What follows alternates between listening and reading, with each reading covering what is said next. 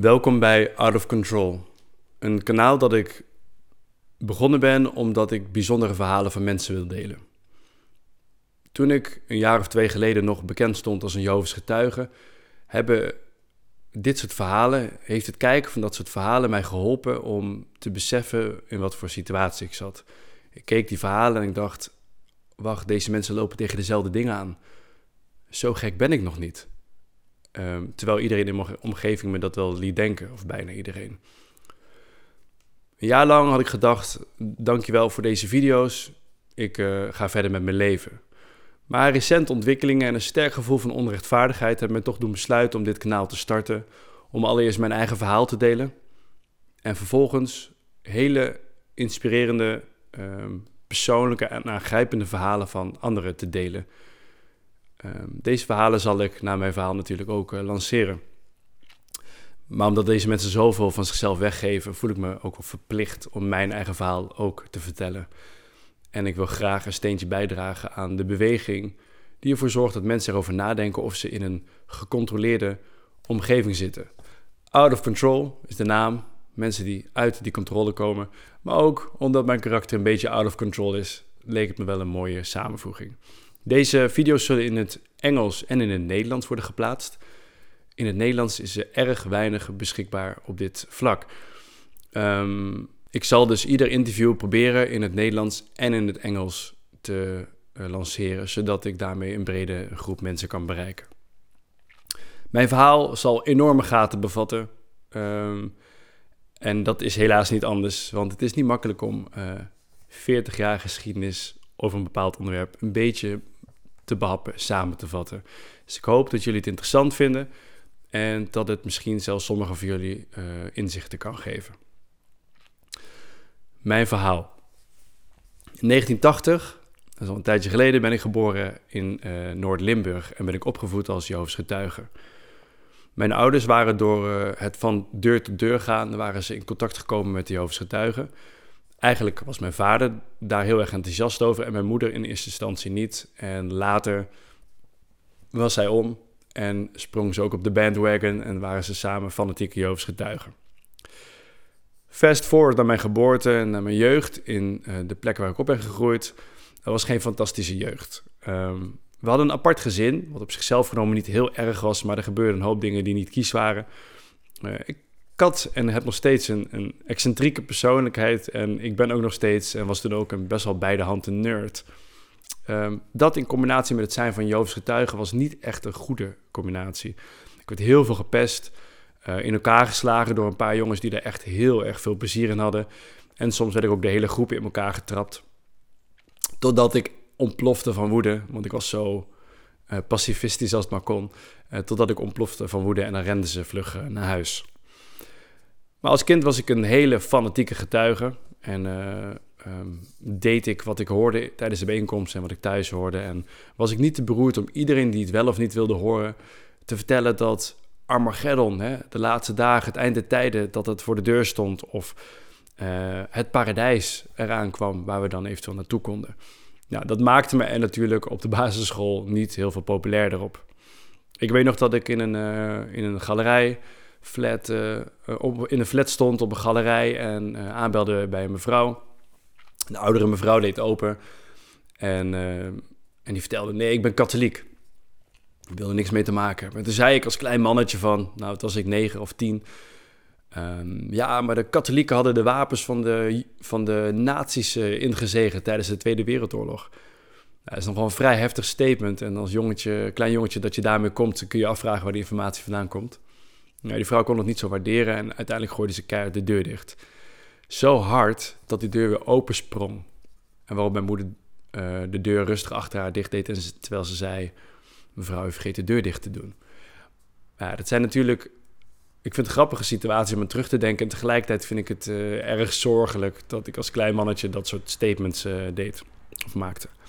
Nou, op mijn elfde, in groep 8, uh, eh, gingen mijn ouders scheiden van tafel naar bed. Mijn vader had een affaire. Dat is een heel verhaal op zichzelf. maar hij was zeker niet van plan om daar een punt achter te zetten. En dat leidde ertoe dat hij uit de gemeenschap van Joodse getuigen werd gesloten. Dat betekent dat je wordt geëxcommuniceerd. Dat betekent dat je dus iedereen binnen die gemeenschap ehm, niet meer spreekt, niet meer ziet. Iedereen zal je negeren vanaf dat moment. Op een paar dissidenten na die er altijd wel zijn, die af en toe een beetje vriendelijk hallo blijven zeggen. Maar dat is al heel wat. Uh, mijn vader werd dus uitgesloten. Um, dat zorgde er eigenlijk in ons geval voor dat de rest van het gezin ook op een zijspoor belandde. Dat is normaal niet het geval, maar in die gemeenschap wisten mensen er gewoon niet zo goed mee om te gaan. En we waren al een apart gezin, dus we, we belanden echt op een zijspoor. Die scheiding was van tijdelijke aard, dat duurde een jaartje. Maar in het jaar is er heel erg veel gebeurd. En dat had een hele grote impact op ons hele gezin. Op mijn broer, op mijn zus, ook op mijn moeder. En achteraf gezien ook op mij. Al had ik dat toen niet zo heel erg door. Maar die situatie versterkte heel erg mijn zwart-witte wereldbeeld van... Uh, dit gebeurt er dus als je Jehovah's organisatie de rug toekeert. Uh, dit gebeurt er als je in de wereld gaat. Uh, dat was natuurlijk wat me altijd verteld werd tijdens die bijeenkomst ook. Nou, op school en thuis vierde ik uh, geen verjaardagen, geen kerst, geen Sinterklaas, geen Pasen, geen Halloween, noem het maar op, al die feesten, deden we niet aan mee. Um, ik vond het niet echt een probleem overigens. Um, dat was gewoon hoe het was en ik, en ik geloofde daar natuurlijk heel erg in. Ik kan me nog heel goed herinneren dat er met twee andere kinderen, of dat ik met twee andere kinderen op de gang zat op school. Op de basisschool was het ook. En zaten te wachten tot we, deel, tot we weer deel mochten nemen aan de les. Ja, dat was best wel een outsider gevoel, want je, ja, je werd er steeds buiten die activiteit geplaatst, omdat je er niet aan deel kon nemen. Uh, maar ja, ik kon dus ook niet bij kinderen thuiskomen als ze iets met verjaardagen hadden of Sinterklaas. Of ja, ik weet eigenlijk nog steeds niet hoe dat gaat en wanneer dan uitgenodigd wordt. Maar dat uh, gebeurde dus sowieso niet. En ook mocht ik niet mee op kamp. De meeste kinderen van Joost Stuigen mochten niet mee op kamp. Uh, al was het iets waar sommigen iets relaxter in wilden, maar het werd zeer sterk afgekeurd binnen de gemeenschap. want dat was natuurlijk een hele kwetsbare omgeving. Nou, wat betreft hobby's als kind wilde ik uh, graag sporten doen, uh, of bepaalde sporten doen, maar die vielen altijd op de avonden dat wij bijeenkomsten hadden. En als wij vanuit, die, vanuit Joodse getuigen. En als die avonden van zo'n sport samenvielen met zo'n bijeenkomst, dan was het gewoon een keiharde no-go. Um, dus dat was erg jammer, want alle leuke sporten vielen vaak op die avonden. Uh, daarnaast was het zo dat ik heel erg graag op mijn vechtsport wilde. Ik had um, ik had natuurlijk veel last van het gepest en ik wilde daar een eind aan maken. Dus ik wilde op, op taekwondo, karate, judo. Het mocht allemaal niet, want dat was een strijd met de doctrine van de Joodse tuigen. En daarnaast wilde mijn moeder ook niet dat ik op fitness ging, omdat dat niet goed was voor jonge mensen. Uh, misschien dat ze daar gelijk in, geen idee. Maar het ontnam me wel van alle mogelijkheden om mezelf te kunnen verweren, om te werken aan mijn zelfvertrouwen. Uh, elke denken, denkbare optie werd mij eigenlijk daarin ontnomen. Dus dat vond ik wel uh, heel erg toen. Nou, ik viel dus als, als kind wel in veel dingen buiten de boot. Uh, maar dat kwam niet alleen omdat ik overstuigen was natuurlijk, maar het was wel een, een optelsom. Um, nou ja, tijdens mijn jeugd, nou, sowieso tot mijn twintigste, was het drie keer per week een bijeenkomst. Dus dat was dan twee avonden in de week en in het weekend uh, van die Joodse En dat was bij elkaar vijf uur. En dat is dan exclusief ruim op tijd komen even plichtmatig blijven hangen na afloop, het omkleden, ehm, de voorbereidingen voor die verschillende vergaderingen treffen of bijeenkomsten, uh, eventuele aandelen die je had, moest je voorbereiden. Ik had bijvoorbeeld regelmatig een lezing. En die lezing, dat bestond dan bijvoorbeeld gewoon uit het een stuk uit de Bijbel voorlezen. Nou, dat was als jong kind moest je dat natuurlijk heel goed oefenen. Dat was niet zo makkelijk. En de, de manier waarop de Bijbel geschreven was, was ook niet zo makkelijk leesbaar. Uh, maar soms waren het ook lezingjes dat ik dan een thema kreeg aangeleverd met wat uh, materiaal vanuit die organisatie. En dan moest je daar dan uh, een lezingje van brouwen van vijf minuten bijvoorbeeld. Nou, er ging enorm veel tijd te zitten in voorbereiding en oefenen, zodat je het vrij van papier kon, kon geven. Nou, tijdens die bijeenkomsten, waar ik dus veel tijd aan kwijt was en welke getuigen veel tijd te kwijt is, hadden we het over hoe je mensen dan kon bereiken aan de deur, hoe je ze het beste kon interesseren voor wat wij te vertellen hadden.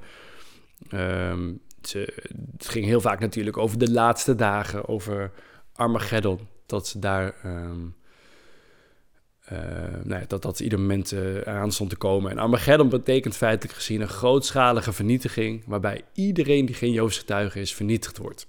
Ja, getuigen die nu misschien zitten te kijken zullen denken van... nou Ruben, dat is wel heel erg overdreven. Maar feitelijk gezien, als je goed leest wat er staat in al die tijdschriften, is dat exact waar, neer, waar het op neerkomt. Maar wat veel getuigen, en ik ook trouwens in die tijd, ehm, voor zichzelf nuanceren. En denken, ja, zo erg is het niet. Maar dat is wel het denkbeeld wat in je hoofd zit. Ehm, dus daar werd veel over gesproken. Er werd natuurlijk ook over het uh, paradijs gesproken. Dat is natuurlijk wat positiever. Ehm, maar de nadruk lag heel erg op van... Goh, als je dus Jehovah's organisatie verlaat... dan wachten je allerlei slechte dingen in de wereld. Dus alles wat geen Jehovah's tuigen was. En um, uiteindelijk de vernietiging met Armageddon. zo dacht ik toen mijn vader was uitgesloten ook... dat mijn vader vernietigd zou worden met Armageddon. Dat was niet een hele positieve gedachte als kind van 11 jaar. Er waren ook positieve dingen tijdens de bijeenkomsten, uiteraard.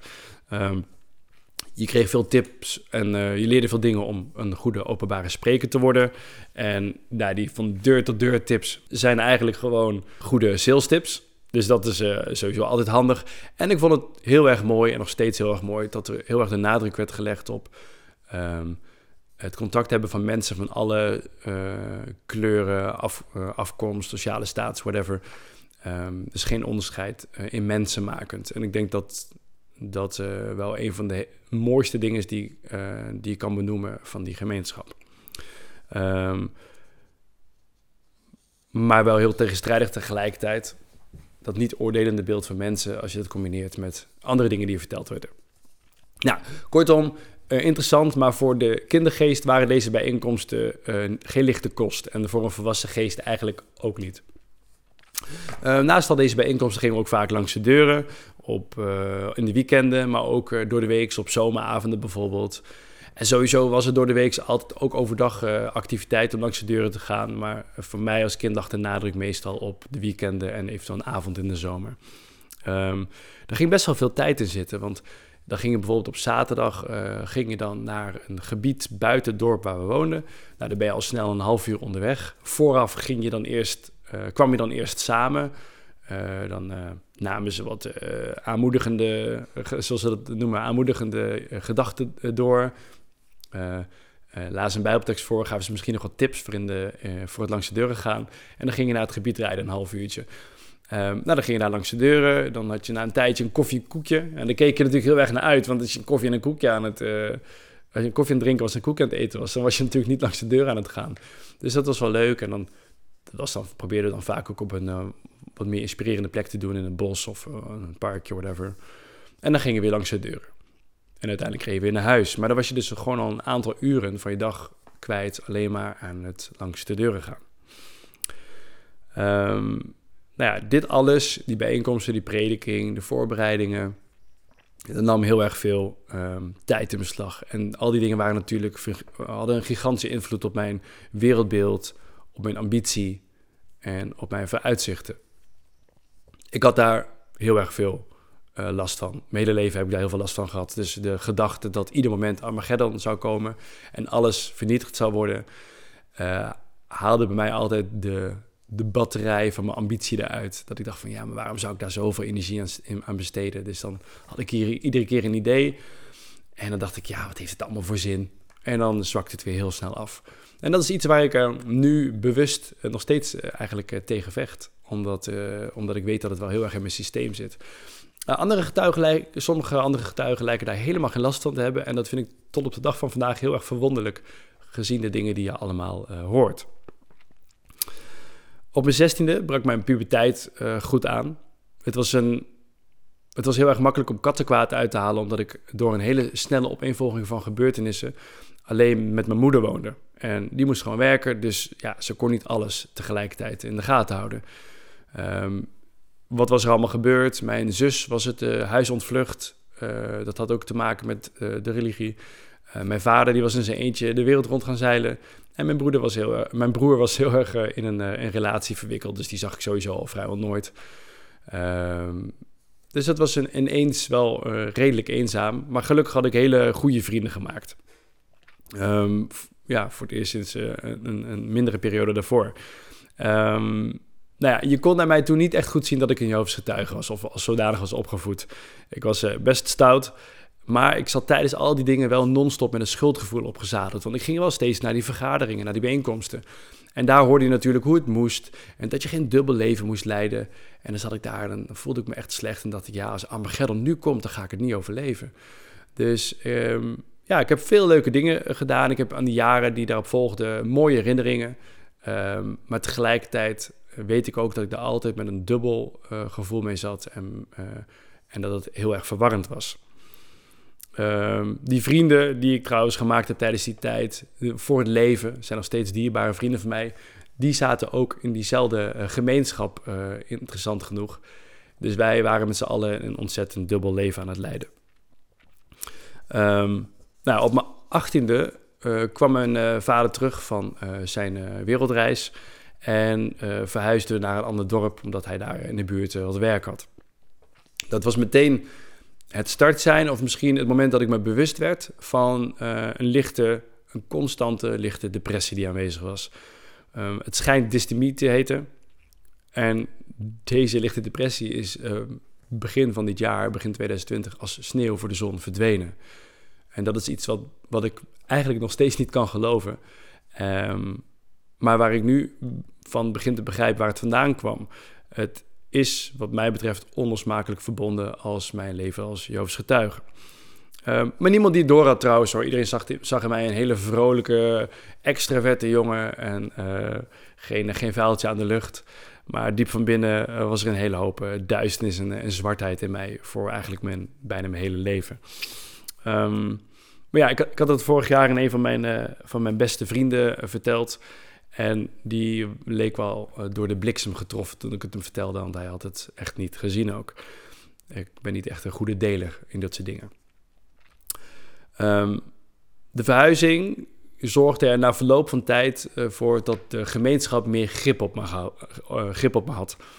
Dat, dat klinkt een beetje negatief, maar dat is hoe Joodse getuigen eigenlijk gedrild worden. Je probeert elkaar aan te moedigen, zoals dat heet.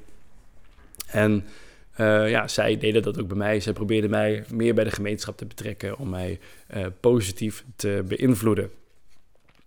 Ehm, na een, een, een, jaartje of 1, 2 zorgde dat ervoor dat ik een studie kreeg van een, van een broeder uit die gemeenschap. En een studie of een bijbelstudie betekent eigenlijk dat je één, twee boekjes doorneemt van voor tot achter. En dan lees je stukjes, zoek je de bijbelteksten op die erbij staan... en dan moet je de vragen beantwoorden en dan ga je vervolgens verder. Uh, die vragen moet je het wel mee eens zijn. want dat is natuurlijk de doctrine van de Joodse. Dus dan ging je soms daarover praten, dan zocht je wat bijbelteksten op om, om het punt te maken... en te laten zien dat het echt toch wel zo was... Um, ik was het natuurlijk niet overal mee eens, maar ik had ook niet altijd zin om overal een punt van te maken. Me niet realiserende uh, wat voor gigantische impact het op mijn, op mijn verdere leven kon hebben. Um, maar de studie was verder best oké. Ik, ehm, ik mag die meneer nog steeds, die man. Het is een lieve, een hele intelligente man die, die de, de materialen rationeel benaderde. Voor zover je van een rationele benadering kunt spreken als je het over die materie hebt. Maar mij sprak het aan.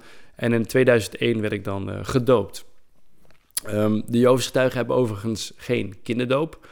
Um, wat iedere Joodse getuige de indruk geeft, en dat vertellen ze ook zo, dat je zelf de beslissing neemt.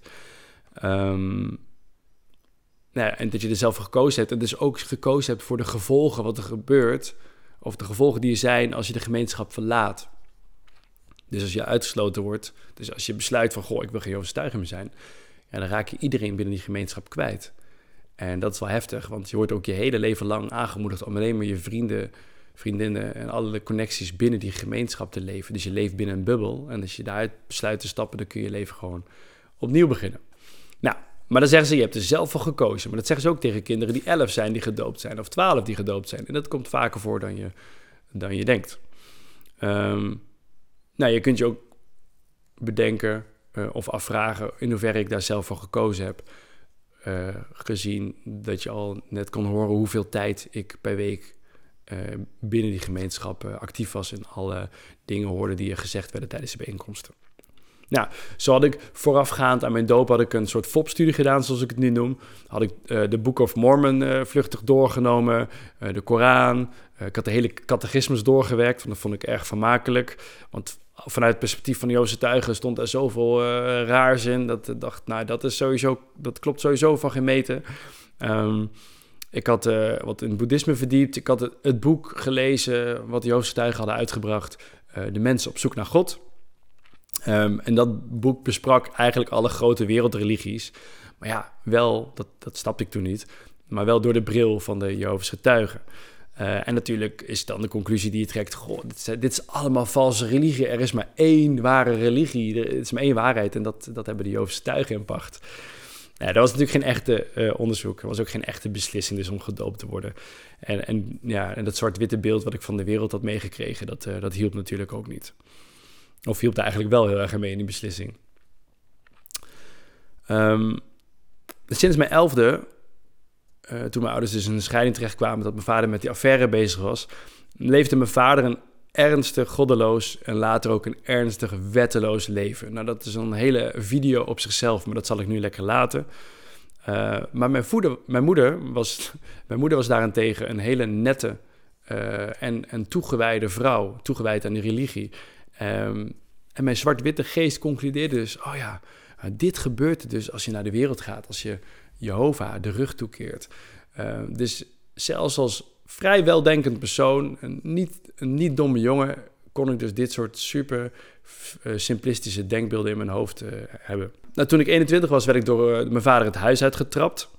nou, laten we erop houden, het erop houden dat het niet kwam omdat ik een slechte jongen was. Um, dan zal ik het voor nu even daarbij laten. Um, maar dat lanceerde een reeks verhuizingen. En tot voor kort dacht ik altijd dat het in mijn karakter zat. Ik noemde mezelf een, een zigeuner of een reiziger. Uh, ik was altijd onrustig, moest altijd naar de volgende plek. Na een jaartje was ik het wel zat ergens. En, en ik dacht echt dat het uit mijn opvoeding kwam en dat ik gewoon zo was. Maar nu eigenlijk de afgelopen jaren ben ik me gaan realiseren dat het deel uitmaken van die gemeenschap voor mij heel erg uh, verstikkend was. ik zag dat niet zo, maar nu is het uh, eigenlijk zo klaar als een klontje. Want aan de ene kant, waar ik ook naartoe ging, was het altijd leuk. En ik had, het, uh, ik had meteen een warm bad en een groep vrienden en je hoefde je niet eenzaam te voelen. maar ik had ook de vergaderingen, het langs de deuren gaan, de sociale contacten in die gemeenschap, die ook natuurlijk wel energie kosten. de sociale druk of sociale controle die eruit voortkwam. En dat was iets wat mij uh, wel enigszins verstikte. Vrije tijd binnen de Joodse tuigen was iets dat ook op je geweten kon drukken, want eigenlijk was je nooit vrij. Um, je was wel vrij, maar niet in je hoofd. Uh, en dat komt zo. Tijdens de bijeenkomsten werd je regelmatig herinneren dat je, je het beste aan Jehovah moest geven. En er werden er van die voorbeelden verteld van ja, en dan is het uh, de slager die laat, uh, ja, als, dan, als dan God binnenkomt lopen, welk vlees geeft de slager dan aan God? Ja, dan geef je natuurlijk het allerbeste vlees. Of allerlei variaties op dat voorbeeld. Um, maar voor jongeren werd het dus ook benadrukt dat ze een jeugdige energie aan Jehovah moesten geven. En, en die hebben natuurlijk veel meer vrije tijd, veel meer energie. Dus ja, dat kon je maar beter besteden aan de organisatie van Jehovah's getuigen. Of zoals zij dan zeiden, dat kon je maar beter aan Jehovah geven, die tijd. Maar wat hield dat dus in? Heb ik een beetje over verteld. Hè? Um, je kon langs de deuren gaan, uh, zoveel als je maar kon. Daar kwam het eigenlijk op neer. Uh, alle bijeenkomsten moest je natuurlijk zorgvuldig voorbereiden. Zo streepte ik bijvoorbeeld vaak, en doe heel veel jongeren bij die overstuigen doen dat, strepen dan nep aan. Zodat het leek voor je ouders van, oh, dat heb je echt goed voorbereid. En, en als mensen dan voorbij liepen in die, in die uh, bijeenkomst, dat ze dan zagen van, oh ja, die heeft het goed voorbereid. Um, nou ja, dat laat al zien hoeveel gewicht er aan dat je je, dingen goed uh, uh, voorbereiden. En, en, daarmee voorkwamen ze ook natuurlijk gezeur van hun ouders. Um, nou, tijdens de inkomsten, je kwam, kwam, niet helemaal weg met een nepvoorbereiding, want je moest ook actief deelnemen. Er waren veel vraag-antwoordbesprekingen. Uh, dat was natuurlijk wel allemaal uitgekoud. Echte vragen kon je niet stellen. De vragen werden van het podium, van het podium gesteld en jij moest gewoon een goede antwoord geven. Um, maar dan was dat de bedoeling dat je op zijn minst één keer een antwoord gaf tijdens een bijeenkomst. En liefst twee of drie keer. Um, ja, je hield dus lezingen, je deed presentaties op het podium, dat je, waarin je liet zien van, goh, als je langs de deur gaat, Uh, dan, uh, dan kun je dit en dit zeggen als de huisbewoner dat en dat zegt. Nou, daar werd heel veel gedaan. Je kon klusjes aan het gebouw doen, je kon andere klusjes doen. Je kon met de, de lectuur daar helpen, met met de boeken en de tijdschriften. En je kon helpen voor tijdens grotere bijeenkomsten of in de voorbereiding van die grotere bijeenkomsten. Nou ja, en daar, daar kon je al snel, in die voorbereiding kon al vele dagen voorbereiding en, reistijd gaan zitten. Dus er was echt, ehm, ja, er was heel veel dat je kon doen uh, om die vrije tijd die je eventueel had op te vullen. Uh, ging je op vakantie, dan was het bijvoorbeeld niet de bedoeling dat je een bijeenkomst oversloeg. Dan was het eigenlijk uh, de bedoeling dat je op de vakantiebestemming een gemeente van uh, tuigen ging opzoeken en daar eigenlijk dezelfde routine vasthield. Dat je maar niet uit die routine ging. Um, zelf, heel eerlijk, deed ik dat meestal niet. Toen dacht ik, ja, de groeten, ik ben op vakantie, ik wil even relaxen. Maar dat was wel echt een gewetensding. Dan zat je al met een schuldgevoel. Uh, op locatie was dat wel weer een beetje kwijt. Maar als ik dan uh, weer in de... Um, als ik dan weer in de, terug was in de gemeente waar ik zat, hè, en die, tijdens de bijeenkomsten, dan weet je wel weer herinnerd aan het feit dat dat eigenlijk wel de bedoeling was. Kortom, had je dus vrije tijd en daarin gerelaxed, dan was het eigenlijk een zelfzuchtige actie. En had je die tijd beter aan bijvoorbeeld het langs de deuren kunnen gaan uh, besteden, uh, kunnen besteden. En oude en zieke, zwakke omaatjes, die gingen ook langs de deuren. Um, dus dan was het toch wel heel erg dat jij als gezonde jonge man ervoor koos om op de bank te hangen of uh, op vakantie gewoon je snor te drukken en daar niet de, lokale gemeente of de lokale gemeente van Joost te ondersteunen. Nou, een, een draad die uh, tussen al deze dingen door ongeveer vanaf mijn zestiende loopt tot mijn 26e, is dat ik samen met een goede vriend muziek maakte. Um, hij was ook op, opgevoed als Joodse maar hij was nooit gedoopt en hij leidde geleidelijk aan een leven dat steeds minder verweven was met de gemeenschap. En we maakten hip-hop, we schreven en we rapten en we produceerden alles zelf. We waren drunks en derastic. Uh, 30 oktober is ons, uh, is ons trouwens onze muziek uh, uitgebracht.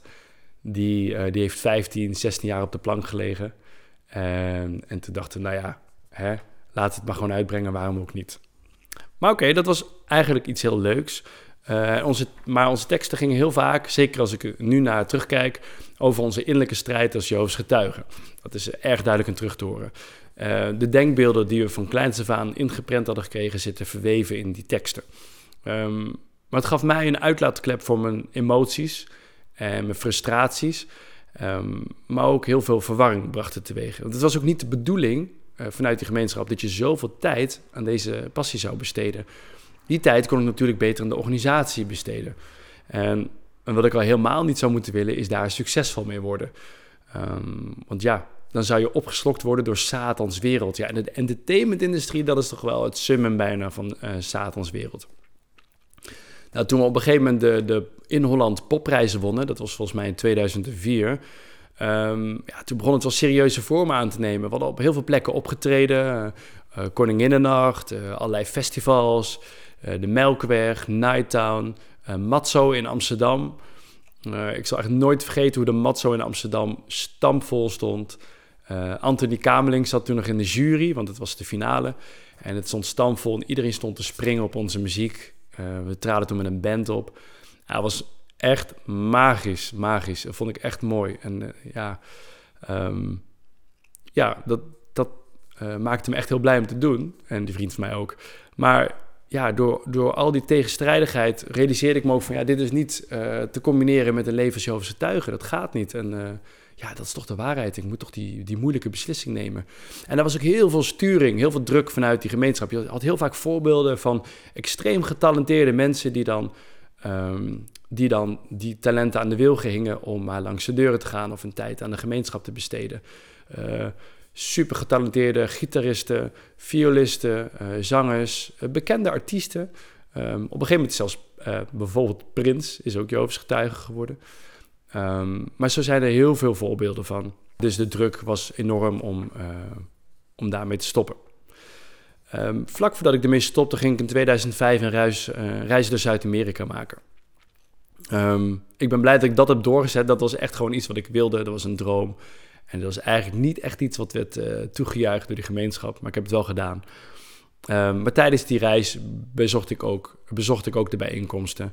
En ja, de liefde die ik toen overal ervoer, um, en de natuurschoonheid die ik zag, dat, dat, uh, daardoor dacht ik echt van ja, dit is echt wel die, door, die, door die liefde dacht ik, dit is echt de, waarheid. Dit, zoals, ze zich, zoals Joost Tuigen het over zichzelf zeggen. Dit is de waarheid, deze liefde, dat is ongekend. Overal kom, ik opgevangen als, als familie. En krijg ik 100% vertrouwen.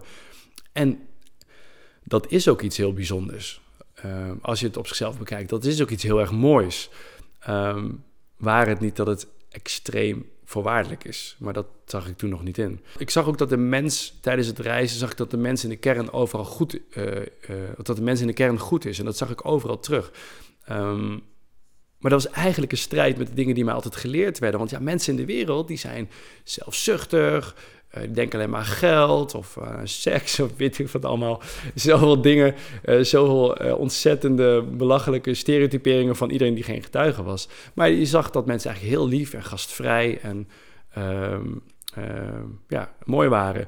Um, dat zag ik dus. En, en ik denk dat, dat conflicterende beeld, dat heel veel getuigen dat hebben. Dat je eigenlijk het goede in de mensen ziet en, en heel veel uh, leuke, mooie, lieve mensen ontmoet. Maar tegelijkertijd de hele tijd leert en gelooft, ja, in de wereld, ja, in de wereld uh, zijn mensen slecht, want de hele wereld ligt in de macht van Satan. Um, is een fenomeen dat ik later dubbeldenken ben gaan noemen, naar het boek van George Orwell, 1984. Um, maar in de, in de wetenschap hebben ze er ook een naam voor en het heet cognitieve dissonantie. En dat is de spanning die er ontstaat wanneer je uh, overtuigingen hebt die eigenlijk niet overeenkomen met je persoonlijke overtuigingen. En dus je kunt eigenlijk twee conflicterende denkbeelden tegelijkertijd geloven. En daar zijn heel erg veel voorbeelden van. En dat, uh, ja, dat maakt je ook wel een beetje gek. Um, maar tijdens die reis herinner ik me nog een levendige gesprek wat ik had met een jongen in uh, Buenos Aires. Uh, hij kwam zelf uit Portugal en dat was echt een ras-echte intellectueel. En daar had ik echt tot het ochtendgloren een gesprek mee. Um, en hij raadde hij mij een boek aan. En pas 13, 14 jaar later, na dat gesprek, realiseerde ik wat, wij, wat hij me toen uitprobeerde te leggen op een hele genuanceerde manier die niet overkwam. Uh, toen ik keek naar het boek dat bij mij op, op de kast lag. En dat heette The Fear of Autonomy in Men and Women. Een paar jaar na mijn reis trouwde ik. En voor het trouwden woonden we niet samen en hadden we geen seks. En zo gaat het ook uh, bij de Joodse tuigen. Dus ik was een maagd totdat ik 28 was.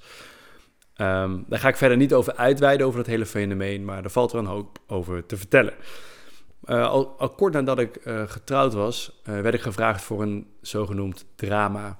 Dat is een ding wat Joodse tuigen op een grote bijeenkomst hebben, één keer per jaar. En dan wordt vaak een bepaald bijbelverhaal wordt met acteren, met kostuums, wordt het allemaal nagespeeld. En soms combineren ze een, bijbelverhaal weer met een, met een moderne toepassing. en ik moest dan uh, uh, Roy spelen. Uh, en dat was dan eh, eigenlijk de, de persoon die de slechte invloed was van een, een, een Joost in datzelfde drama. En als ik daar nu op terugkijk, vind ik dat echt heel erg grappig. Want ik ben natuurlijk, nu ben ik wel echt het bokje. um, ja, dus dat is, maar dat, dat nam echt extreem veel tijd in beslag. Ik was net getrouwd. drie keer per week oefenen, een paar uur. En uiteindelijk trad ik dan op. Dat was maandenlang. En uiteindelijk trad ik dan op tijdens zo'n congres of tijdens een grote bijeenkomsten voor 10.000 mensen of iets dergelijks. Dat was wel echt een ding. En dat was dan naast al die activiteiten die ik net al beschreef, naast al die bijeenkomsten, al die dingen, had ik ook die voorbereidingen. Dus dat was wel een intense periode. Maar mijn nu ex-vrouw en ik hadden regelmatig gesprekken over de, de verschillende dingen die gezegd en geschreven werden uh, in, die, in die tijdschriften die we lazen vanuit de gemeenschap. Um, en we zaten vaak op dezelfde golflengte als het erover ging. Maar als we dat bij onze vrienden of gelovige familie neerlegden, dan werd er vaak sceptisch op gereageerd en werden we als uh, te kritisch bestempeld of werden belangrijke punten makkelijk weggewuifd.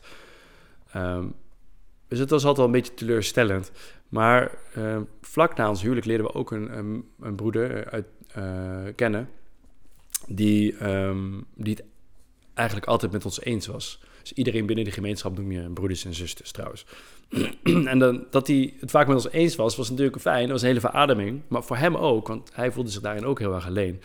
En we dachten, oh, zijn, er zijn dus wel mensen die dus heel positief binnen zijn binnen die gemeenschap en toch die kritische punten herkennen en die zien dat dingen niet goed gaan. Ehm, en dat, het feit dat die, die man ook een hele intelligente en actieve getuige was, was heel actief, uh, gaf wel gewicht aan deze, aan deze gedeelde mening. Maar zo, fast forward, uh, um, even doorgespoeld, brachten we eigenlijk heel wat jaren door. Uh, we benoemden heel veel punten die ons vreemd en, en gewoonweg verkeerd of zorgelijk toeschenen. Maar vrijwel niemand om ons heen leek zich daar echt heel erg zorgen over te maken. En um, nou ja, we gingen ook van gemeente naar gemeente. En uh, de ene gemeente was wat meer open-minded dan de andere, maar de rode draad was altijd wel hetzelfde. Um, nou, ik wilde natuurlijk mijn ex laten zien hoe mooi Zuid-Amerika was. Dus had ik haar ook gemotiveerd om met mij daar te gaan reizen. En in 2013 gingen we samen weer naar Zuid-Amerika, uh, negen maanden reizen. Nou, dat was echt een super mooie ervaring. En, um, en wederom uh, ja, was mijn hart weer helemaal een beroering van dat uh, continent. Maar we hadden ons voorgenomen om een aanzienlijk deel van onze tijd daar te besteden aan het langs de deuren gaan. Um, en vanuit onze vorming als overstuiger was het lastig om aan jezelf te verkopen dat je negen maanden alleen maar gaat reizen om te genieten. Um, dus wij dachten, nou, we moeten het combineren. We gaan daar ook gewoon actief zijn. En dan hebben we daar in ieder geval een paar maanden heel veel tijd in gestoken. En dan kunnen we daar ook een beetje genieten. Een beetje Calvinistisch uh, benaderd. Maar het moment dat we besloten dat we het op die manier gingen aanpakken, zagen we ineens overal kleine wonderen gebeuren. Um, waardoor wij dachten, oh, we zijn in onze keuze gezegend. Nou, inmiddels heb ik heel veel geleerd en weet ik dat dit een schoolvoorbeeld van een bevestigingsvoordeel is, of een confirmation bias. Een mooi voorbeeld ervan, eh, stel je koopt een rode auto en plotseling zie je overal rode auto's rijden. Nou, dan lijkt het alsof er ineens heel veel rode auto's zijn, nu je er ook eentje uh, gekocht hebt. Maar die reden natuurlijk al die tijd al rond. En alleen nu zie je dat. Dat is natuurlijk een, school, schoolvoorbeeld van confirmation bias of een bevestigingsvooroordeel. En er zijn daar duizenden voorbeelden van. En dat is iets wat heel erg uh, centraal ligt binnen de omgeving van Joodse getuigen. Er wordt een bepaald wereldbeeld wordt jou, uh, uh, wordt jou gegeven en je ziet daarin overal bevestigingen van hetgeen je verteld wordt. Um, maar ja, omdat we ons hadden voorgenomen om daar langs de deuren te gaan, hadden we ons vooraf, maar zeker te plaatsen, gigantisch hard geconcentreerd op het leren van de taal. Um, dat begon met Portugees in Brazilië en later Spaans in die andere landen. Dus een mooie bonus is dat ik nu Spaans en Portugees spreek. Dat is leuk. Al kan het wel weer wat verbetering gebruiken. Um, nou, de ervaringen binnen die verschillende gemeenschappen in Zuid-Amerika waren over het algemeen erg positief. En we gingen eigenlijk weer tijdens het reizen van bubbel naar bubbel. Probeerden altijd wel iedere week een, een bijeenkomst mee te pakken. En we voelden de liefde. Um, maar er waren ook bepaalde momenten die ook daar weer bepaalde vraagtekens bij ons op deden komen. Dat we dachten, wat, ja, wat, wat is dit toch? Um, in Brazilië, dat vergeet ik nooit meer, uh, gingen we daar langs de deuren. En toen zag ik daar een, uh, uh, een groepje mensen uit Haiti. Die tussen mooie huizen op een stukje brak of braakliggend, braakliggend land hadden ze een of andere hut gebouwd. En die mensen zaten daar met nauwelijks te eten en te drinken. En, en toen zei ik, ja, we moeten die mensen toch helpen? Maar ja, die werden, die werden niet echt geholpen door de Joostuigen. Die, die, die, waren heel, die waren heel apathisch. En dat, dat is heel erg ook hoe Joostuigen denken. Want zij denken, ja, wij prediken het paradijs. De echte oplossing voor wereldproblemen, die komt nog. Dus als jij heel actief zou gaan deelnemen aan een of andere stichting die mensen helpt, letterlijk nu, dan wordt het eigenlijk heel erg afgekeurd. Want ja, dan, dan snap je het niet helemaal, dan heb je het niet helemaal begrepen. De bedoeling is dat jij al je tijd aan de prediking besteedt, zodat je een lange termijn oplossing aan mensen kan geven. Maar dat, dat, kwam er bij mij, eh, dat kwam er bij mij niet in. Ik, ik zag die mensen en ik vond het zo uh, verschrikkelijk. En toen dacht ik, nee, uh, ben ik naar de supermarkt gegaan. Heb ik daar een grote zak rijst en suiker, weet ik wat allemaal. Allemaal van die, van die basis levensbehoeften uh, heb ik gehaald. Uh, basisvoedingsmiddelen. En heb ik daar uh, die doos gebracht. En dat vonden die, die getuigen die, ja, die ons wel heen en weer reden... Um, die vonden dat echt heel raar. Maar ze hielden mond maar. Dat is het voordeel dat Brazilianen zijn, want Nederlanders hadden luidkeels geprotesteerd. De Brazilianen dachten, nou ja, oké, whatever, als jij dat wil doen. Um, maar dat vond ik echt, uh, dat, dat, dat schuurde me echt. Ik dacht, als je echt liefde hebt voor mensen, dan wil je die daar toch ook gewoon helpen. Dan wil je toch ook gewoon, als het in de macht van je hand ligt om daar iets aan te doen, ja, dan wil je daar toch iets aan doen. Ehm, ja, dat maakte mij wel enigszins verdrietig. Nou, in Argentinië hadden we meegemaakt in verschillende gemeenten... dat er heel veel gedoe was over kleding, dat het heel conservatief moest... en, en uh, dat iemand wel op een bepaalde manier moest, uh, zijn uren moest halen... voor het van huis tot huis gaan. Want elke Joodse die houdt zijn uren bij. Die, zodra die bekend staat als iemand die langs de deuren gaat binnen die gemeenschap... levert hij iedere maand een rapport met de uren in die hij heeft besteed aan de uh, prediking, aan het langs de deuren gaan. Dus dat is even een detail. Maar daar waren ook discussies over en toen dacht ik, ja, maar daar gaat het toch niet om.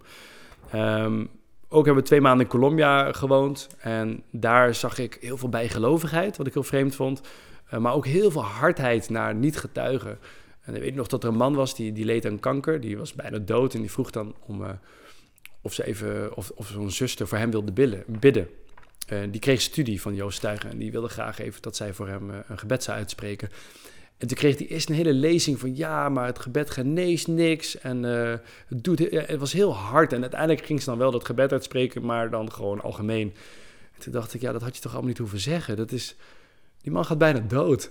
Geef hem gewoon, geef hem gewoon zijn gebed en, en, en troost hem daarmee. Dus ja, dat, dat waren dingen die wel ehm, die wel pijn deden en die wel vreemd waren. En, en wat ik zag was dat de, de, de broeders die leiding gaven in de gemeenschap in, in Colombia waar we zaten, die hadden het knet te druk. Dus die waren alleen maar, eigenlijk waren die alleen maar aan het werk om te overleven, eh, letterlijk. En de rest besteden ze al hun tijd aan die gemeenschap. Er was veel te doen, er, was, waren te weinig mannen met verantwoordelijkheden binnen zo'n gemeenschap om veel te kunnen doen. En daar voelde ik me heel schuldig over, omdat ik niet goed kon helpen. Uh, dat deed ik linksom, rechtsom wel. Maar ik dacht, ja, um, uh, ik, moet ook een, een uh, ik moet ook die voorrechten kunnen hebben, zoals ze dat noemen. Als je een soort van status hebt binnen de gemeenschap, dan mag je meer doen. Je mag het ook geen status noemen, dat zullen ze niet zo noemen, maar daar komt het wel op neer.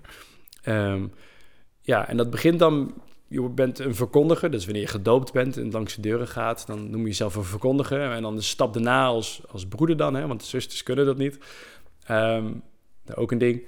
Maar die kunnen, um, dan kun je dienaar, dienaar in de bediening worden en daarna word je ouderling. Nou, als je dienaar in de bediening wordt, dan kun je ook lezingen geven, langere lezingen. Ook op de zondagochtenden en uh, heel veel andere aandelen op het podium kun je doen. en heel veel andere dingen achter de schermen. Dus ik dacht, nou, als ik nu mijn tijd erin stop om diener in de bediening te worden, dan uh, kan ik in ieder geval de volgende keer als ik hier in Colombia ben, kan ik heel erg helpen. Dat was echt mijn motivatie om daar heel veel tijd in te steken. Dus ik werd daar een, een stuk uh, serieuzer in. Uh, en in Nederland, eenmaal terug, ging ik er echt vol voor. Um, ja, ik merkte dan meteen dat het proces er naartoe heel onduidelijk was. Het is niet zo als binnen een bedrijf dat je echt een, een makkelijk carrièreplan uit kunt stippelen. Hoewel dat natuurlijk ook niet altijd zo gaat, maar dan is het wel iets concreter. Hier was het heel vaag. Het was niet helemaal duidelijk wat ik allemaal moest doen. Uh, je mocht er ook niet te veel over zeuren of naar vragen, want dan was je niet nederig. En dan duurde het helemaal lang voordat je ooit een dienaar zou worden. En dan, daar komt mijn rationele brein echt heel erg slecht tegen. Um, maar het duurde een jaar of één, twee, twee jaar denk ik. En toen was ik uiteindelijk dan die dienaar in de bediening en deed ik meer op het podium en voor de gemeente. En uh, maar daardoor, doordat ik een, stukje serieuzer werd dan ik uh, ooit geweest was binnen de gemeenschap, uh, werd ik heel erg geconfronteerd met de dingen die me altijd verteld werden. Want ik moest die dingen nu zelf gaan vertellen op het podium. En, en ik merkte dat ik mezelf vaak in allerlei bochten moest wringen om die dingen ook uit te spreken. Dat ik dacht van ja, maar ik ben het niet helemaal mee eens. En dan, en dan gaf ik daar gewoon een draai aan. Ik was daar heel creatief in, maar ik zei nooit dingen uh, ik, die ik niet. Uh, ik zei nooit dingen waarvan ik het niet mee eens was. Ik, ik koos daar gewoon mijn eigen woorden. Um, en dat werd wel gewaardeerd, want mensen vonden het gewoon verfrissend. Maar voor mij was het gewoon een truc om, om niet te hoeven zeggen wat ik niet geloofde. Um, maar dat, dat, al die punten waar ik dus niet achter stond al die jaren, begonnen nu echt een ding te worden. Want ik dacht, ja, maar ik sta hier niet achter, ik sta hier niet achter. En ik kon dat niet meer zo half negeren. Dat, dat werd echt uh, ja, in, mijn, in mijn face uh, geduwd. Zo herinner ik me nog een paar jaar geleden dat ik een, uh, een, een, een, toespraak had van, van 10 minuten. En dat ging dan over een aantal zaken, waaronder hogere opleidingen. En toen zei ik vanaf het podium, nou, er is op zich helemaal niets mis met een hogere opleiding. Het gaat om je prioriteiten. Nou, toen werd ik na die vergadering, na die bijeenkomst, werd ik belaagd door een van de oudlingen. Die mij wel te kennen gaf dat er wel zeker een probleem mee was met hogere opleidingen. Toen zei ik, ja, maar hoezo? Wat is dat dan? Uh, mijn, mijn vrouw, of mijn ex-vrouw hè, toen, mijn vrouw, die, die heeft een hogere opleiding gedaan. Is zij nu ook slecht? En zei hij, nee, nee, maar universiteit, dat is echt heel slecht. Ik zo, oeh, waarom is de universiteit slecht dan? Ja, want dan leer je kritisch denken en dat is heel slecht. En toen zei ik, ja, maar maar ik denk ook kritisch. Ben ik nu ook slecht? Nee, nee, nee. En, nou ja, dat was een heel raar gesprek. Uh, als ik nu aan terugdenk, dan was dat bijna een profetisch gesprek. Maar um, wat het dus binnen de getuigen heel erg is, en dat was ik om de een of andere vreemde reden was ik me daar niet van bewust. Uh, wat er dus speelde binnen de Joodse tuigen en speelt, is dat een hogere opleiding extreem wordt ontmoedigd. Ik wist wel dat er vaak dingen in stonden in de tijdschrift van ja, je kunt beter geen hogere opleiding doen, je kunt beter een praktische opleiding doen. Maar ik wist nooit dat er zoveel gewicht aan hing. En toen ik research ging doen, dacht ik, hé, hey, verrek, dit staat echt overal. En toen heb ik een, uh, een, een, broeder opgebeld die dus heel veel verantwoordelijkheden had en, uh, en, en daar alles van wist. En die zei, ja, Ruben, als je als je ouderling bent, dus iemand met veel verantwoordelijkheden, verantwoordelijkheden binnen zo'n gemeenschap, en als je ouderling bent en, en jouw kind gaat naar de universiteit, dan word jij uh, uit die functie ontheven. Omdat, ja, omdat dat dus zo afgekeurd wordt. En toen was ik echt mind blown. Toen dacht ik, wat is dit? Waar gaat het over? De reden ook dat ik dat niet heel erg mee heb gekregen... is dat het een, een jaar of vijf of tien... is dat even op een lage pitje geweest, dat anti-opleiding verhaal. En er zijn allerlei theorieën over. Maar uh, daardoor denk ik dat ik dat iets minder uh, bewust heb meegekregen. Want ik heb, ja, ik heb door hele andere redenen niet fatsoenlijk mijn opleiding kunnen uh, doen zoals ik dat wilde. Maar niet omdat mijn ouders of mijn moeder daar heel erg op tegen was. Um, en zo andere vrienden ook, die hebben gewoon hogere opleidingen gedaan van mijn leeftijdscategorie. maar daarvoor en daarna ligt dat dus heel anders. Met, met de geboorte van mijn dochter in 2018 veranderde echt iets heel erg wezenlijks in mij. Ik voelde liefde zoals ik die nog nooit gevoeld had. En Um, ik werd echt een compleet ander mens.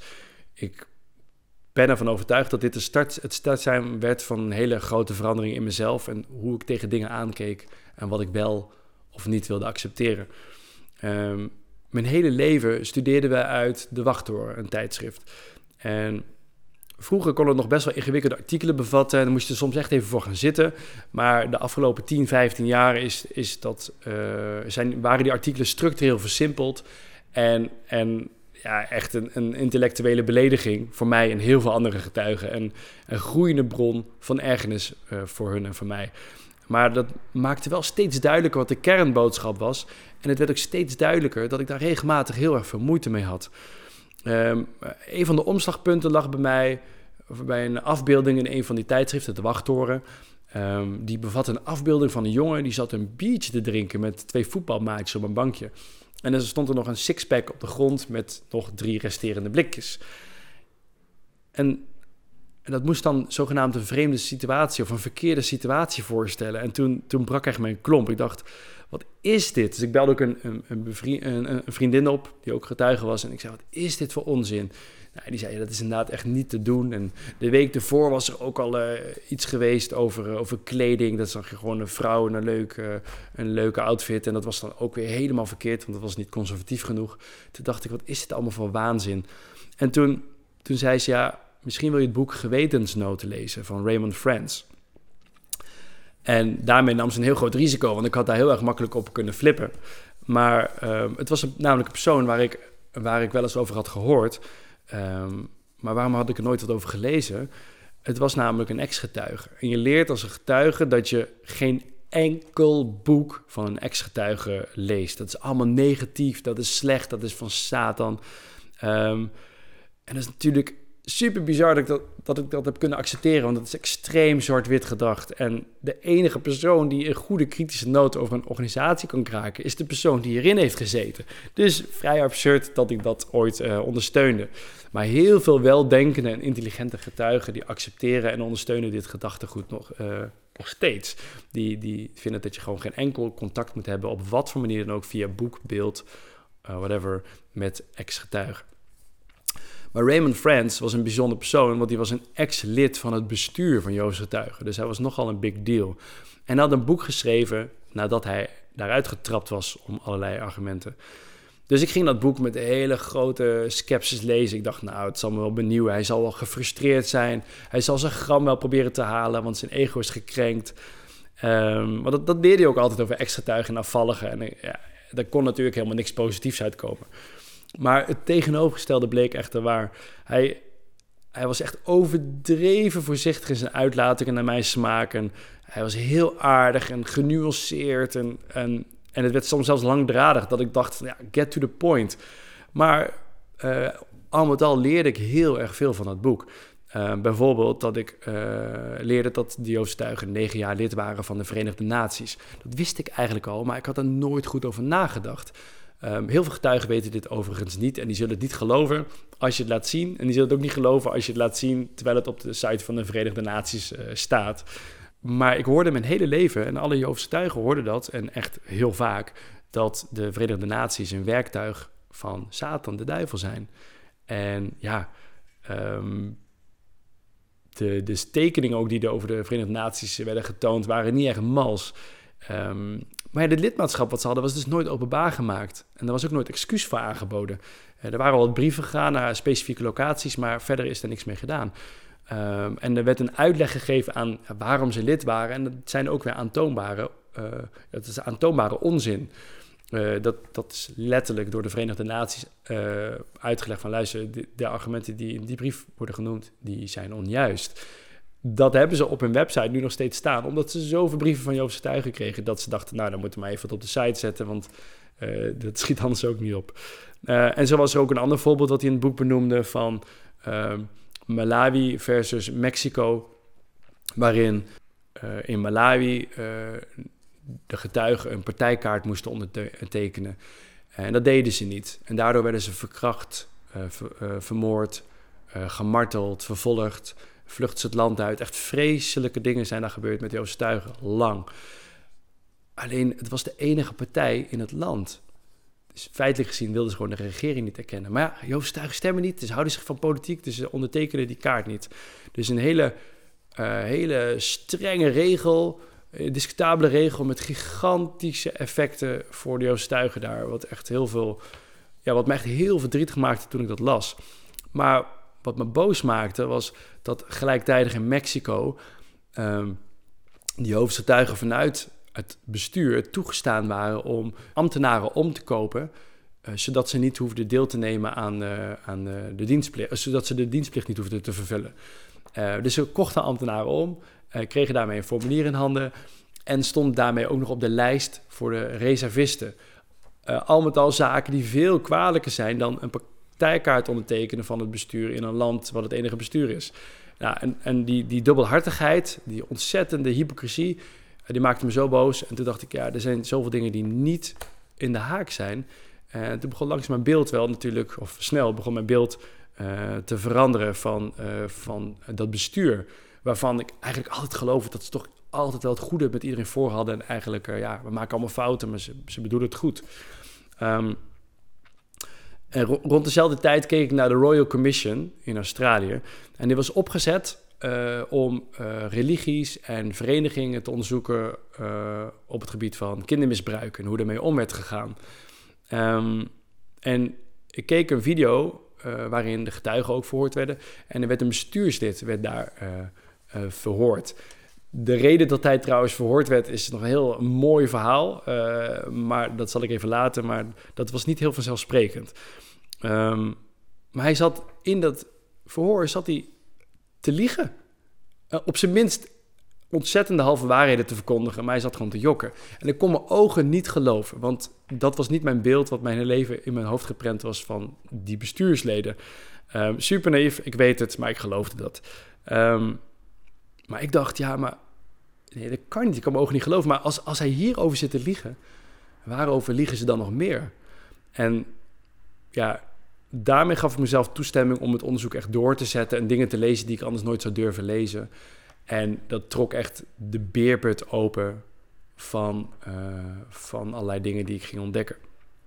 En ik heb me echt extreem goed ingelezen in dat onderwerp over kindermisbruik aan beide zijden, wat de getuigen vertelden en wat, wat te vinden was aan informatie, aan betrouwbare informatie, want er is ook natuurlijk een hoop onzin waar je doorheen moet prikken. Um, En het, het kwam er kwam geen einde aan. Ik kon het bijna niet geloven. Zoveel hartverscheurende verhalen, zoveel onrecht, zoveel verdriet. Echt next level erg. En uh, ja, ik kon het gewoon niet ontkennen. Ik kon er niet een excuus voor verzinnen. Het was gewoon een systematisch, gecoördineerd uh, ding... wat gewoon procedureel fout zat bij die Hoofdse En wat ze ook niet van plan waren om te veranderen. Nou, dat, wat, uh, dat maakte me... Dat, ja, dat, dat maakte al dat ik dacht van... wil ik, wil ik hierbij horen? Dit, dit, uh, hier wil ik toch niet mee geassocieerd worden? Die sta ik echt niet achter. En wel als getuigen altijd, ze hadden altijd zo grote mond over de katholieke kerk... over al die schandalen die daar gebeurd waren. En ik, toen zei ik altijd van, ah, bij getuigen kan dat onmogelijk zo plaatsvinden. Stond ik even mooi voor joker. Um, nou, het boek daarna wat ik las was The Combating Cult Mind Control van Stephen Hassan. En dat, dat was eigenlijk een algemeen boek. Wat gaat over sectes en cults en, cults. En in een herdruk heeft hij die tuigen erin toegevoegd. Omdat hij ook daar zoveel brieven van had ontvangen. Um, dat, hij, uh, dat hij dacht van, nou, dan moet ik dan maar research naar doen. En, en kwam hij dus ook achter uh, dat dat inderdaad paste, dat beeld. Maar dat leek wel een handboek van de Joost Stuiger, dat boek. Het was een algemeen boek, maar er werden zoveel punten genoemd die exact overeenkwamen wat ik mijn, mijn hele leven gezien had. dat was echt ongekend. Vanuit dat boek kwam ik op een heel pad van informatie. Ehm, ik las wat dingen op jwfacts.org. Um, ehm, ik keek naar het YouTube-kanaal van John Cedars. Um, ik keek naar het YouTube-kanaal van XJW Fifth. Ik keek naar het YouTube-kanaal van Mentally Diseased. Ik las het boek uh, The Gentle Times Reconsidered. Dat gaat dan heel erg over de profetie van 1914 en 607, wat dan eigenlijk 587 zou moeten zijn voor gewone tijdrekening. Um, ik las Apocalypse Delayed, wat eigenlijk de hele geschiedenis uh, van de Joostuigen behandelt, maar dan objectief en compleet en met bronvermeldingen, wat ik echt heel erg belangrijk vond natuurlijk. Um, ja, dat was echt mindblown na mindblown na mindblown. Ik kon gewoon niet geloven hoeveel dingen ik mijn hele leven had geloofd... die gewoon heel makkelijk, heel makkelijk... en dat was echt heel storend, uh, aantoonbaar uh, onjuist waren. Gewoon bullshit. En dat, dat vond ik echt heel erg. Ik voelde me echt heel dom. Uh, maar alleen maar het feit dat ik mezelf toestemming had gegeven om dat te onderzoeken uh, ja, deed mij omslaan. En voor de buitenwereld leek het echt alsof ik aan, als een blad aan de boom omsloeg. Maar dat broeide natuurlijk al van binnen en toen kwam gewoon de hele puzzel bij elkaar. Uh, en zeker toen ik dat boek over die profetie las in de complete geschiedenis van Jozef Tuigen, toen, toen, toen, ging het op een gegeven moment, zag ik dan een schema eh, van allemaal, Jozef, allemaal, allemaal religies die rond dezelfde tijd als Jozef Tuigen begonnen waren. En toen riep ik hardop van de banken, deze shit gelooft toch niemand? Toen was ik er ineens helemaal klaar mee. Toen dacht ik, ik ben zo hard gefopt mijn hele leven. Uh, ja, dat was wel echt een hard gelach. Nee, maar maar niet, uh, niet, niet, niet leuk, want je, je, ja, dat was wel echt een existentiële crisis. Hetgeen waar ik altijd in had geloofd, dat verdween gewoon onder mijn voeten, plotsklaps. Nee, zoveel ontdekt. Er zijn heel veel video's mee te vullen. Um, maar ik, zal ook de linkjes in mijn, in mijn beschrijving zetten als ik, daar, eh, als ik dat niet vergeet. Uh, dan kun je daar zelf naar kijken. Maar er is echt gigantisch veel goede informatie, objectieve en verifieerbare informatie. Maar ik heb me echt schil gelezen. Ik heb zoveel gelezen in 1, 2 jaar tijd dat ik dat, en dat moest van mezelf. Want ik kon niet uh, op emotie besluiten. Dat ik dacht van, nou, ik voel me niet meer goed bij. Nee, ik moest echt aan mezelf kunnen uitleggen dat het echt niet klopte. En dan moest ik kunnen beargumenteren. Dus ik wilde niet uh, ja, zomaar mijn hele leven in duigen gooien en uh, omgooien, omdat ik, omdat ik een bepaald gevoel had. Um, en ik had mijn hele leven natuurlijk een, een eenzijdige informatiestroom binnengekregen. En ja, daar moest natuurlijk ook een tegenwicht voor komen. Dus ik moest dat objectief en met de volwassen geest van nu moest ik dat, moest ik dat beoordelen. Nou ja, des te meer ik me erover uitsprak, over die twijfels die ik had, des te veel mensen afstand van me namen. Want het is natuurlijk niet gezellig als iemand de hele tijd zit te, eh, te klagen over wat allemaal niet klopt. En ik, en ik ben, als ik met dingen bezig ben, ben ik ook heel erg dat ik dat wil delen. En uh, dat vinden mensen natuurlijk strontvervelend als ze daar geen zin, geen zin in hebben. Uh, zelfs iemand die zei dat ik allerlei conspiracy theories geloofde. En daar was ik echt heel erg beledigd over, want uh, diezelfde persoon wilde eigenlijk niet echt inhoudelijk bespreken wat ik allemaal benoemde. Dus die, die vond het gewoon uh, makkelijk om dat te zeggen. Dus dat was het. Dat was de volwassen variant van je vingers in je oren stoppen en heel hard la la la la la la la, te roepen. Want je hoeft er zelf niet over na te denken. Maar ik was erover uit. Ik wilde me uitschrijven bij die Tuigen. Uh, mijn broer, die haalde me over om nog even te wachten. Die zei, Ruben, ik weet, ik weet hoe je bent. Wacht nog eventjes. En ik snapte wat hij bedoelde, want um, als ik iets wel of niet vind, dan ben ik daar heel erg uitgesproken over. Dan kan ik het heel gepassioneerd, kan ik dat heel gepassioneerd uiteenzetten. Maar het kan ook weer afzakken dat ik daarna iets evenwichtiger word. Dat ik denk van, nou ja, whatever, het, het is niet zo belangrijk. Um, ik wist dat het in deze situatie echt niet opging, want ik had echt mijn huiswerk gedaan. Maar het had grote gevolgen als ik zou stoppen. Dus ik dacht, nou, ik wacht nog eventjes. Het heeft ongeveer een jaar geduurd. Maar in oktober 2019 was ik er compleet klaar mee. En in november 2019 werd ik, uh, heb ik mezelf laten uitschrijven. En werd ik door de gemeenschap uitgesloten. Dat is onvermijdelijk, hoe je jezelf ook opstelt. En dat betekent dus, en dat wist ik, dat je al je sociale contacten binnen die gemeenschap kwijtraakt. Um, 39 jaar dus aan vrienden, aan kennissen, aan ja, je hele sociale leven uh, weg. Gelukkig had ik al die jaren hier en daar nog wat contacten, maar wel matige contacten, maar wel goede contacten uh, matig in de zin van weinig contact. Maar als ik ze zag, was het leuk. En ik had al die jaren wel contacten gehouden met mensen buiten die Joodse tuigen. Omdat het toch altijd een beetje met me conflicteerde. Dat ik, ik kon niet zo oordelend over andere mensen denken. Uh, dus dat, dat zorgde er ook voor dat ik niet helemaal blanco in het leven stond.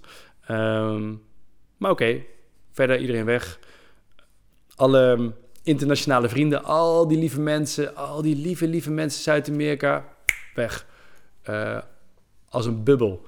Um, toen realiseerde ik me ook hoe uh, voorwaardelijk dat alles was. Contact met mijn ouders, weg. Uh, mijn broer, die supportte me nog eventjes, om een reden die je straks zult horen, maar die was een paar maanden la, ook uit beeld verdwenen. Allemaal waren het voorwaardelijke vriendschappen. Het was allemaal voorwaardelijke liefde. Wij geven jou de liefde als jij bij deze gemeenschap blijft. Um, ja, mijn ouders zeiden zelfs, vader, van ja, maar waarom, waarom laat je jezelf niet gewoon ingeschreven staan en blijf je gewoon uit beeld? En toen zei ik, ja, maar dat is toch hypocriet? Ik geloof je toch niet meer en ik sta je toch niet meer achter? Ik wil hier toch niks meer mee te maken hebben? Ja, maar dan, maar dan hadden ze nog contact met me kunnen hebben. Maar hij begreep ook alweer dat dat dan hypocriet was. Dus zij waren zelfs bereid om super hypocriet met de regeltjes te spelen. Om, maar ja, ja ik, ik, ik loop helemaal spaak als ik hierover nadenk. Dus ik laat het er maar bij dezelfde week dat ik uit de gemeenschap besloten werd, viel mijn huwelijk ook in duigen. Uh, dat was wel heftig. Mijn dochtertje was net anderhalf. Um, um, ja, was min of meer gerelateerd, maar niet zo sterk als dat je zou denken. Uh, maar oké, dus het feest was compleet. Dus in 2020 dacht ik, nou, Ruben 2.0, we gaan positief door. Ik ga een nieuw leven opbouwen. En toen kwam corona. maar ja, ik heb nu wel vrijheid van denken. Ik heb vrijheid van doen. Beperkt met corona, maar ik doe wat ik wil. Um, ik heb alleen maar mensen die met me omgaan, die bij me willen zijn, omdat ze mij aardig vinden. Niet omdat ik toevallig dezelfde religie aanhang. Mensen die mij als persoon waarderen. Um, en het klinkt heel absurd, maar ik heb me voor het grootste deel alleen maar goed gevoeld. En het is natuurlijk heel erg verdrietig als je huwelijk strandt. En het, doet pijn dat je, als je de helft van de tijd je dochtertje maar kan zien... waar je extreem veel van houdt. En het is heel verdrietig als je al je vrienden, familie... Uh, of niet al, als je de meeste van je vrienden en familie kwijtraakt. Uh, dat is allemaal heel, heel, heel uh, verdrietig. Maar dus ik heb hier en daar een slechte dag, soms een slechte week. Maar al met al heel weinig, want het wegvallen van dat gewicht... wat ik met me meedroeg al die jaren... dat maakt mij honderden kilo's voor mijn gevoel lichter. En en dat weegt er heel erg sterk tegenop. Die dystemie, die lichte depressie, die is dus ook weg. Ik dacht dat het in mij zat. Ik ben er nooit voor naar een psycholoog gegaan hoor. Ik heb van een vriend van mij geleerd dat dat dystemie heet. dystemie. en ik kan nog steeds niet geloven dat het weg is. Ik heb het... Het lijkt alsof ik iedere maand mezelf beter voel. En, en, en ik, ik realiseer me dat ik in een nieuw avontuur ben beland met een nieuw leven. Uh, waarin ik alles wat ik vind kan heroverdenken. En dat doe ik dan ook dagelijks. Alles wat ik zeg en doe, Bij alles wat ik zeg en doe, denk ik, ja, maar vind ik dat echt? Of is dat nog iets, is het nog een restant van vroeger? Ehm, dat is heel vermoeiend. Ik ben ook vaak vroeg op de dag ben ik echt kapot. Uh, maar gewoon, dat is mentaal. Ik sport veel, dus ik heb veel energie. Maar mentaal ehm, ja, ga ik door een heel interessant proces. Ik vind het een heel mooi proces. En uh, ik kijk uit naar deze komende fase. Um, ik ben nu inmiddels hartstikke agnostisch. Ik heb geen idee hoe het zit. En ik vind het allemaal helemaal prima. Ik heb echt heel erg veel tijd in gestoken in mijn hele leven. Uh, en uh, uiteindelijk weet niemand het. En ik vind het allemaal, uh, ik vind het allemaal best. Ja, het is tijd om te leven. dit was mijn verhaal. Um, er is nog veel meer te vertellen. Maar dan wordt deze, film echt, deze video echt te lang. Ik hoop dat jullie het interessant vonden. Um, als jullie vragen hebben, mag je het in de commentaren zeggen. Als je me wilt uitschelden in de commentaren, mag ook. um, vind ik allemaal helemaal niet erg. Um, ik, uh, ik ga na, nadat ik deze film gepost heb, of deze video gepost heb, ga ik uh, andere interviews posten. Dat zal ik iedere week of twee weken doen. Daar ben ik nog niet helemaal over uit. Ik heb al twee prachtige interviews op de plank liggen. Uh, aangrijpende interviews. Ook verhalen van mensen die als Jovenstuiger zijn opgegroeid. En die een heel ander verhaal vertellen uh, uh, als ik te vertellen heb gehad. Uh, dat was geen correcte Nederlandse zin. Maar die zal ik met jullie delen en ik zal regelmatig dit soort verhalen blijven posten. Als jullie het een interessant verhaal vonden, ja, geef me dan een duimpje en abonneer je op het kanaal als je op de hoogte wil blijven. Ik wil gewoon dat dit soort verhalen bekend raken bij een groter publiek, zodat mensen die geen getuigen zijn begrijpen wat er ongeveer speelt binnen die gemeenschap, wat het betekent om getuige te zijn. Want het gaat op zoveel lagen, zo diep. Uh, dat dat wel heel interessant is, denk ik. En ik hoop ook dat getuigen deze filmpjes bekijken en misschien herkennen met welke dingen ze ook worstelen. En dat ze zich beseffen, wat ik ook had een paar jaar geleden. Ik ben niet gek, het ligt niet aan mij. Dit klopt echt niet. En dat, dat hoop ik. Maar uiteindelijk moet iedereen voor zichzelf een beslissing nemen. En uh, dat is het allerbelangrijkste. Dat je zelf je beslissingen neemt get out of control and stay out of control.